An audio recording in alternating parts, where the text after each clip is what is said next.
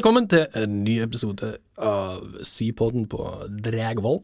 Eh, nok en episode i historie. I dag så har vi en superspesiell episode. Vi har ennå med oss eh, Elisabeth, men for nye eh, seere, presenter deg sjøl, Elisabeth. Hei, jeg heter Elisabeth. Jeg går tredje året på profesjon. Nils. Jeg heter Nils. Jeg går tredje året på bachelor. Nydelig. Så et lite fun fact-spørsmål. Eh, Lego eller Duplo? Lego. Lego. Ah, Dobbel Lego! Nydelig! Eh, I denne episoden så skal vi ha en liten debatt. Og det omhandler fri vilje.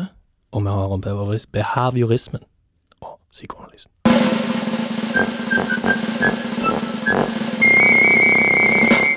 Vi kan starte denne episoden med å nevne følgende eksamensoppgave. Velg minst to retninger i psykologiens historie, redegjør for hovedtrekkene i dem, og drøft i hvilken grad de gir rom for menneskets frie vilje. En liten fun fact om den oppgaven. Eh, denne oppgaven eh, lagde Nils. Jeg ble med og lagde den litt i fjor når jeg var klokkeledere da. Ble med og fikste litt på den. Vi presenterte den til, til Roar på et sånt møte. Han likte den kjempegodt. Og whoops, der var han på eksamen. Så eh, takk for den, Nils. Du får kreds for den. Tenker jeg Nå sitter Elisabeth er litt misunnelig nede i hjørnet her. Nå har jeg allerede begynt liksom sjeklinger mellom de, men eh, ja. Så for å oppsummere oppgaven som vi skal diskutere i dag, velg minst to retninger i psykologiens historie. Her i dag så er det behaviorismen og psykoanalysen. Redegjør for hovedtrekkene i dem, og drøft i hvilken grad de gir rom for menneskets frie vilje. Så vi skal prøve å besvare denne oppgaven. Og måten vi har tenkt å gjøre det på, det er gjennom et slags sånn debattformat. Så, som sagt, jeg har med meg to nydelige studenter i dag som skal prøve nettopp det. Og de skal først presentere kort eh, hver sin gren, eh, og samtidig så skal de prøve å fremheve hvorfor nettopp deres gren kan gi rom for å beskrive menneskets frivillige. Så kan jeg òg først påpeke at for de som lytter på denne episoden, så blir det kanskje enklere å følge med på hvis dere sjøl har lest dere litt opp i boka på både behaviorisme og psykoanalysen. Så hvis dere ikke har gjort det ennå, absolutt anbefalt å kanskje stoppe episoden her nå. Kom tilbake til den etter du iallfall har lest ja, Du har lest de oppsummeringene, holder kanskje ikke. Her må du gjerne gå gjennom de. Gå gjennom de, og så kommer du tilbake til episoden. Um, jeg vil at dere skal òg bemerke dere to ganske interessante holdepunkter om akkurat denne eksamensoppgaven. Og det første holdepunktet det er at fri vilje det blir ikke nødvendigvis definert og beskrevet innenfor disse to retningene i boken. Man finner en slags definisjon av fri vilje og vilje i kapittel to, men jeg har satt det opp som følgende. Så begrepet fri vilje. Det har dukket opp i løpet av de siste to årtusener som den enhetlige betegneren for en betydelig form for kontroll over ens handlinger. Spørsmålet angående arten og eksistensen av denne type kontroll, f.eks. krever det at vi har frihet til å gjøre noe annet, eller ruler makten til selvbestemmelse? Og hva er den sanne betydningen av frivillige? Er det nødvendigvis for moralsk ansvar, eller for menneskelig verdighet? Dette har blitt tatt opp i enhver periode av vestlig filosofi. Vi snakket jo litt om kapittel 1 og kapittel 2 i de tidligere episodene i psykologiens historie. Og mange av de viktigste filosofiske figurene har vært innom dette, sånn som Platon, Aristoteles, Sextinus, Aquinias, Descartes, Kant, whatever. På denne måten så bør det være tydelig at det tvister Altså at fri vilje, uheldigvis da, kanskje for noen, det inneholder både diskusjoner om eh, metafysikk og etikk. Så hvis vi fryser ut den type kontroll involvert i frivillige, så er vi tvunget til å vurdere et spørsmål om blant annet årsakssammenhenger, naturlover, tid, substans oh, Det er masse. Naturens motivasjon, og mer generelt om menneskelige personer. Når vi vurderer betydningen av fri vilje, så blir vi òg tvunget til å vurdere spørsmål som annet rett og urett, godt og ondt, skyld og ros, og belønning og straff. Så fri vilje er et svært begrep som omfatter mye. Og nå blir dere sikkert litt stressa, men det er et poeng med dette, da. Det hadde ikke vært krevd at dere skal ha all denne kunnskapen inne til eksamen, hvis et slikt spørsmål hadde dukket opp. For eksempel, her da kommer det andre hovedprinsippet mitt. Det er at denne oppgaven skal trigge kreativitet, kritisk tenkning og frihet. Denne oppgaven kan ses på som en sånn måte å skinne gjennom med god skriving, og litt av treningen i nettopp dette faget, det innebærer at vi skal gi dere selvtilliten til å argumentere kritisk og skrive akademisk på eksamen. Så dere finner kanskje en definisjon av fri vilje fra Thomas Aquinias i side 59 i boken, men det er veldig mye mer som innebærer inni dette begrepet. Og det er ikke nødvendigvis sånn at dere må kunne alt det jeg sa nå, men nå vet dere at dere kan snakke om mye innenfor frivillige. Og det er det som gjør at denne oppgaven er ganske kul. Så her finnes det faktisk ikke en konkret fasit, men kanskje flere. Og det burde være litt motiverende. Så med det så ønsker jeg velkommen da til bordet til mine debattanter her. Så vi kan starte med deg, Nils. Du har fått psykoanalysen. Så gi oss en liten oppsummering. Ja. Psykoanalysen er da en retning innenfor psykologien som vokste frem på midten til slutten av 1800-tallet. Ble utformet av eh, Sigmund Freud. Freud definerte selv psykoanalysen da som eh, vitenskapen om det ubevisste. Så det handler jo naturligvis da om det ubevisste. Og med denne retningen så trekker også egentlig Freud eh, psykiatrien inn i psykologien. Eh, psykoanalysen har også produsert en rekke teorier, eh, da teorien om eh, eller en teori om menneskelig natur, eh, hvor Freud følger Darwin sine tanker om at eh, mennesket først og fremst er en biologisk mekanisme som styres av to målsetninger, eller drifter. Det er da overlevelse og videreføring av gener. Freud har jo da spesielt fokus på seksualdriften, eh, og mener at denne kan fortrenges og tilfredsstilles eller omdirigeres.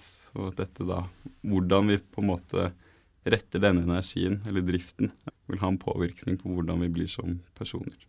Freud snakker også om, eh, eller deler disse driftene i dødsdrifter og livsdrifter. Uh, hvor han snakker om dødsdriftene som de selvdestruktive kreftene. Uh, F.eks. aggresjon, selvhat. Um, dødsdriften er da et indre ønske om å returnere til vår ikke-biologiske tilstand. Uh, livsdriftene uttrykkes da gjennom seksualitet, når det vendes mot et passende objekt, og selvoppholdelse når det er forbundet med selve. Ja. Videre så mener også Freud at vi har en begrenset mengde med psykisk energi som kommer ut av disse driftene. Og hvor vi retter denne psykiske energien, er det som blir da personligheten vår. De er opphav i driftene, og hvis man nekter dem utløp, så fører det til angst eller nevrotiske symptomer og mentale spenninger. Og dette ses da ofte i sammenheng med seksualdriftene, hvor eh, undertrykkelse av seksualdriftene fører til eh, angst og nevrotiske symptomer. Videre så har også Freud en teori om det ubevisste. Han mener at det ubevisste følger andre regler enn eh, logikken. Vi har ubevisste ønsker og forestillinger, og disse uttrykkes gjennom motsetninger eh, og symbolisering, som gjenspeiler seg f.eks. i nevrotiske symptomer. Og det ubevisste jobber da også aktivt for å komme til uttrykk gjennom atferd og opplevelser, men vi undertrykker de konstant. Videre til psykoseksuell utviklingsteori. Der mente Freud at uh, man gjennomgikk ulike stadier. Og disse stadiene kjennetegnes ved at uh, tilfredsstillelse uh, sentrerer seg rundt ulike er erogene soner. Første stadiet er da oral, hvor konflikten er amming og behovet for mat. Og dersom man får en god resolusjon på denne konflikten, så fører det til trygghet og uavhengighet i barnet.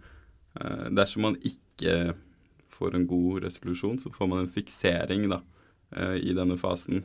Ofte utrygghet, avhengighet. Også det med psykisk energi som blir liggende igjen eh, i denne fikseringen, som gjør at du har mindre energi å bruke andre steder. Så kommer du til analstadiet, hvor konflikten er ønsket om å umiddelbart eh, utvise avføring. Så har du falisk stadie, hvor konflikten er eh, seksuell tiltrekning til foreldre av det motsatte skjønn. Da kommer du inn på dette Ødipus-komplekset og Elektra. Uh, det her vi også kommer tilbake til dette med at uh, seksualdriftene må rettes mot et passende objekt. Og her er det da helt klart et upassende objekt, og derfor får vi en konflikt. Og resolusjon av disse konfliktene er nødvendig for, å, for utviklingen og for å unngå sånne fikseringer. Uh, Freud har også en personlighetsteori hvor han snakker om uh, personlighetens struktur. Da snakker han om id, ego og superego hvor id er um, lyster og drifter og styres gjennom prinsippet av umiddelbart tilfredsstillelse. Så har du ego, er en slags megler mellom superego og ego, nei, og id, og prøver å gi liksom id utløp på den mest akseptable måten. Og så har du superego, som er eh, normer og regler i samfunnet, forventninger, mer sånn moralsvokter, kan man si. Og det var egentlig det. Ja, takk skal du ha. Eh, da tenker jeg at Elisabeth skal få lov å presentere litt eh, om uh, barbarismen. Yes. Så da 50-årsperioden mellom 1910 og 1960 blir iblant betegna som skolenes epoke i psykologien. Både gestaltpsykologien, psykoanalysen um, hadde sine storhetstider i dette tidsrommet, men den mest dominerende av alle disse retningene, spesielt i USA, det var behaviorismen. Psykologi hadde tidligere blitt definert som studie av sjelelivet, av sinnet eller av bevisstheten. Rundt det forrige århundreskiftet var det en krise i bevisst, bevissthetspsykologien. Man hadde brukt flere tiår på å prøve å avklare hva bevissthet var, uten å få noe særlig svar. Psykologien hadde gått gjennom en rekke endringer i både teori, metode, definisjoner og perspektiver. Den nye psykologien, eksperimentalpsykologien, hadde gitt store forventninger om fremskritt, men de var enda ikke å se. Psykologien var i villrede over sitt studieobjekt. Spekulasjonene om det ubevisste gjorde også sitt for å så tvil om fruktbarheten i de gamle definisjonene. Psykologien hadde sett på seg sjøl som en objektiv og anvendelig vitenskap, men hadde lite konkret å tilby. Funksjonalistene gjorde et filosofisk skifte og mente at man kunne studere først og fremst dyreatferd, men like fremt studere atferd uten å forutsette eller ta stilling til et sjeleliv eller en bevissthet. Litt i likhet med hvordan bevissthetspsykologien i første omgang postulerte at sjelelivet eller bevisstheten ikke trengte å forutsette en sjel, sånn som man hadde gjort i den fakultetspsykologiske perioden. Det var på bakgrunn av dette at John B. eller Broadus Watson lanserte behaviorismen.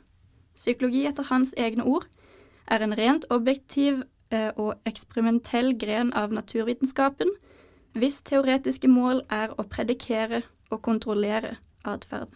Metoden skulle være atferdsobservasjon under så kontrollerte former som mulig, helst i eksperimentelle studier. Og Watson lot noe motvillig verbale rapporter og standardiserte tester være en del av metoden hans. Et sentralt eh, tema i behaviorismen var å unngå mentalistiske begreper som bevissthet, følelser eller tanker mens eh, funksjonalistene mente mentale prosesser forklarer og forårsaker atferd, og at atferd indikerer mentale prosesser, fjerner behavioristene med Watson mentale prosesser som emne og forklaringsprinsipp. Med det så ligger det at såkalte mentalistiske begreper fra bevissthetspsykologien og eksperimentalpsykologien sin tid ble erstatta av begreper sånn som stimuli, respons, vaner og diskriminasjon. Atferd kom direkte av stimulus-respons-forbindelser, eller SR-forbindelser, som antas å være resultat av læring og fortrinnsvis klassisk betinging. De to momentene som da ville løse hele psykologiens oppgave, sånn som behavioristene så det, var dermed å 1. Gitt en stimulus kunne predikere respons, og 2 gitt en respons, kunne finne hvilke stimuli som har forårsaket responsen. Ut fra denne teorien kan man trekke konklusjoner om at mennesket er en reaktiv organisme, at atferd uh, er respons på stimuli. Uten stimuli ville ikke mennesket foretatt seg noe som helst. Selv kompleks atferd kan brytes ned i mindre bestanddeler, uh, såkalt elementarisme. Og hjernen fungerer kun som et sentralbord for disse SR-forbindelsene, Samtidig knyttes atferden til en spesifikt utløsende stimuli, altså gir det litt spesifisitet. SR-koblingene oppstår ved læring, assosiasjonisme, som styres av miljøet. Og da kommer vi litt inn på environmentalisme. Um, altså kan man si at personlighet og alle individuelle forskjeller er resultat av miljøet. Med det så har vi gått gjennom eh, de to hovedprinsippene vi skal ha. Uh, hør på neste episode hvis dere vil høre debatten. Vel lurte dere. Nå må dere høre på hele, så kommer debatten neste gang. All right, vi snakkes.